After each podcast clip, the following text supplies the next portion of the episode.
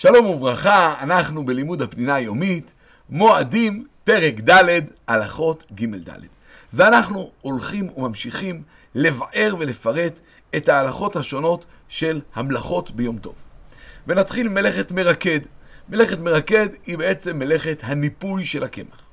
אחרי שטוחנים את הקמח, יש בקמח חלקיקים גסים שהם מכונים סובין, שהמקור שלהם זה בקליפו, בקליפה של גרגיר החיטה. כדי להפריד את הקמח מהסובין היו מנפים בנפה. לכן אגב קוראים לזה מרקד, כי היו מרקדים, מרקידים את, ה... את הקמח בנפה, וככה הסובין נותר למעלה, והקמח יורד, כמו שאנחנו מכירים, בנפה. מכיוון שאת המלאכה הזאת היו רגילים לעשות לימים רבים, לכן גם המלאכה הזאת אסורה. אבל, כאשר הקמח כבר מנופה, ורוצים לנפות אותו עוד פעם, כדי לייפות אותו יותר, כדי להוציא ממנו אה, כל מיני דברים קטנים שעוד יש, אז ממילא הדין הוא שמותר לעשות את זה ביום טוב. אלא שכדי שיהיה ברור שמדובר בניפוי שנועד לצורך אכילה של היום הזה, המורחמים צריך לשנות מעט בדרך הניפוי. שאם רגילים לנפות לתוך קערה, ינפו לתוך שולחן, או ינפו על נפה הפוכה. וממילא זה הדין של הקמח שאנחנו קונים. שבעצם מעיקר הדין לא צריך בכלל לנפות אותו. אבל יש שנהגו לנפות אותו. כיוון שבאמת הוא כבר מנופה, מותר לנפות אותו ביום טוב. בסדר, אז זה ממילא לגבי מלאכת המרקד, דהיינו מלאכת הניפוי. וכעת נעבור למלאכה הבאה, מלאכת לישה. מותר ללוש ביום טוב לצורך אכילה באותו היום. כי לישה בדרך כלל זה מלאכה ביתית שנעשית בבית לקראת האפייה של המאכלים. ולכן אם אלה מותר, מותר ללוש בצק כדי לפות לחמים ועוגות, מותר להכין פירה על ידי עירוב של מים ואבקת פירה, כל זה מותר. כמובן, כמו כל הכללים שאנחנו יודעים, אסור לעשות זה לצורך מחר, אסור לעשות את זה לצורך בעלי חיים או גויים, זה כמובן, את זה אנחנו מכירים. כמובן שאגב אסור. ללוש אה, מים ועפר כדי לעשות מזה לבנים, כי אה, זה לא הדבר שהותר וזה לא לצורך היום הזה, ולכן ודאי זה אסור.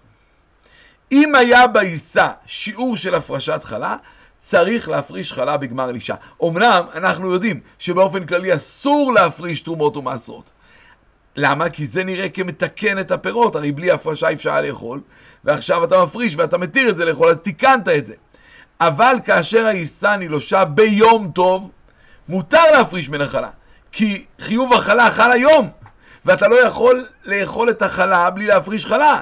אז אם התירו לי ללוש, התירו לי גם להפריש חלה. בזמן שהכהנים היו טהורים, היו מביאים להם את החלה ביום טוב, כדי שהם יוכלו לאכול ממנה. בזמן הזה הכהנים טמאים, והם לא רשאים לאכול את החלה, ולכן אם אלה ביום חול נהגו רבים לשרוף את החלה. אבל ביום טוב אסור לשרוף, כי זה, אתה אופה את זה שלא לצורך. לכן אם אלה, אתה עוטף את זה בנייר ושם את זה בפח. ואם יש בפח דברי טינוף, תעטוף את זה בשני כיסויים ותשים בפח.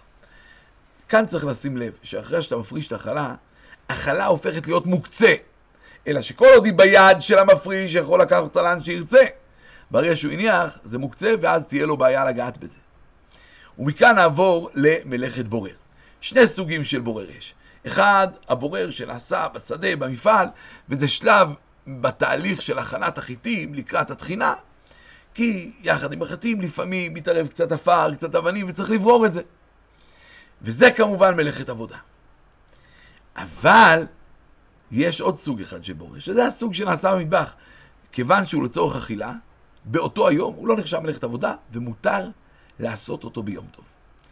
וכאן נסביר. בשבת אנחנו מכירים כולם את הכלל, שכדי להתיר בורר בשבת, אנחנו צריכים שזה יהיה דרך אכילה. מה זה אומר דרך אכילה? שאני לוקח את האוכל מתוך הפסולת, ולא להפך. שאני עושה את זה לצורך שימוש מיידי, ואני עושה את זה ביד ולא בכלי. אבל ביום טוב לא צריך את כל הכללים האלה, אלא כל פעם שאתה בורר לצורך מאכלי היום, זה מותר. ניתן כמה דוגמאות. מי שיש לפניו סלט, ויש בו חתיכות בצל, והוא לא רוצה את הבצל.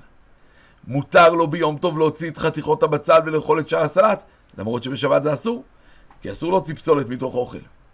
אותו דבר מותר ביום טוב להוציא גרעין של לימון שנפל לתוך סלט, או זבוב שנכנס לתוך משקה, וכ...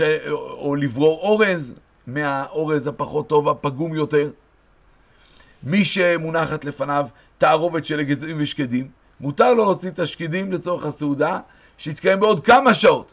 מותר לו לקלף את האגוזים מהקליפה לצורך סעודה שתתקיים בעוד כמה שעות. אבל בשבת כל זה אסור, כי הרי אנחנו אמרנו שצריך שיהיה לאלתר. הוא הדין, מי שיש לו שמרי יין מעורבים ביין, מותר לו ביום טוב לתת אותם מסננת ביתית, כדי לסנן את היין מהשמרים, אבל בשבת אסור, כי הרי אסור להשתמש בכלי, מסננת זה כלי, לכן אם אלה בשבת זה אסור. ונסיים בשאלה, תן שתי דוגמאות של מלאכת בורר שמותרת ביום טוב ואסורה בשבת. שלום, שלום.